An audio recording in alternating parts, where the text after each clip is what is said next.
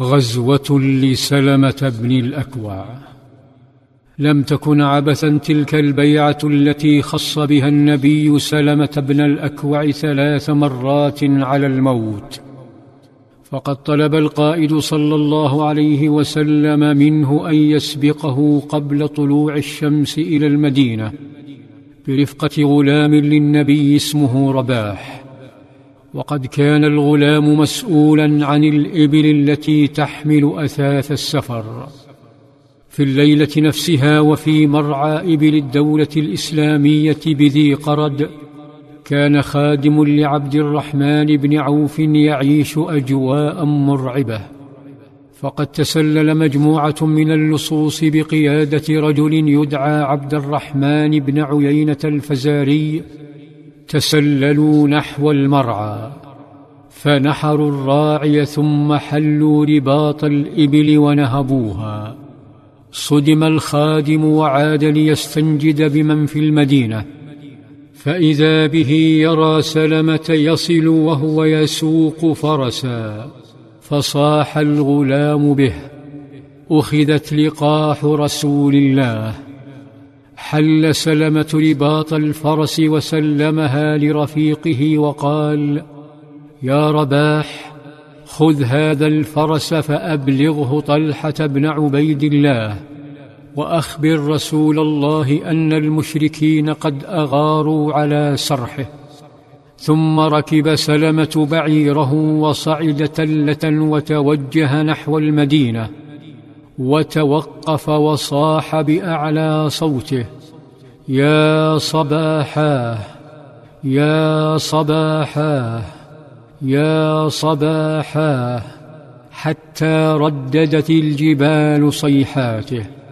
ثم انحدر منطلقا نحو مرعى ذي قرد ليتتبع آثار الإبل من هناك. وصل فجال بعينيه على الأرض.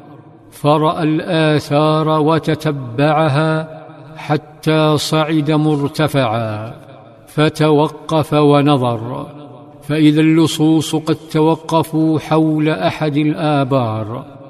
مد سلمة يده نحو كنانته فانتزع سهما ووضعه في كبد القوس وشده ثم صرخ أنا أنا ابن الأكوع واليوم يوم الرضع.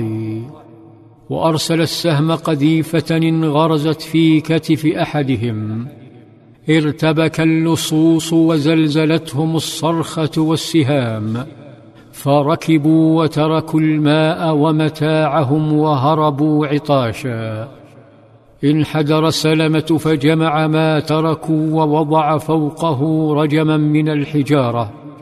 علامة عل قائده صلى الله عليه وسلم يراه.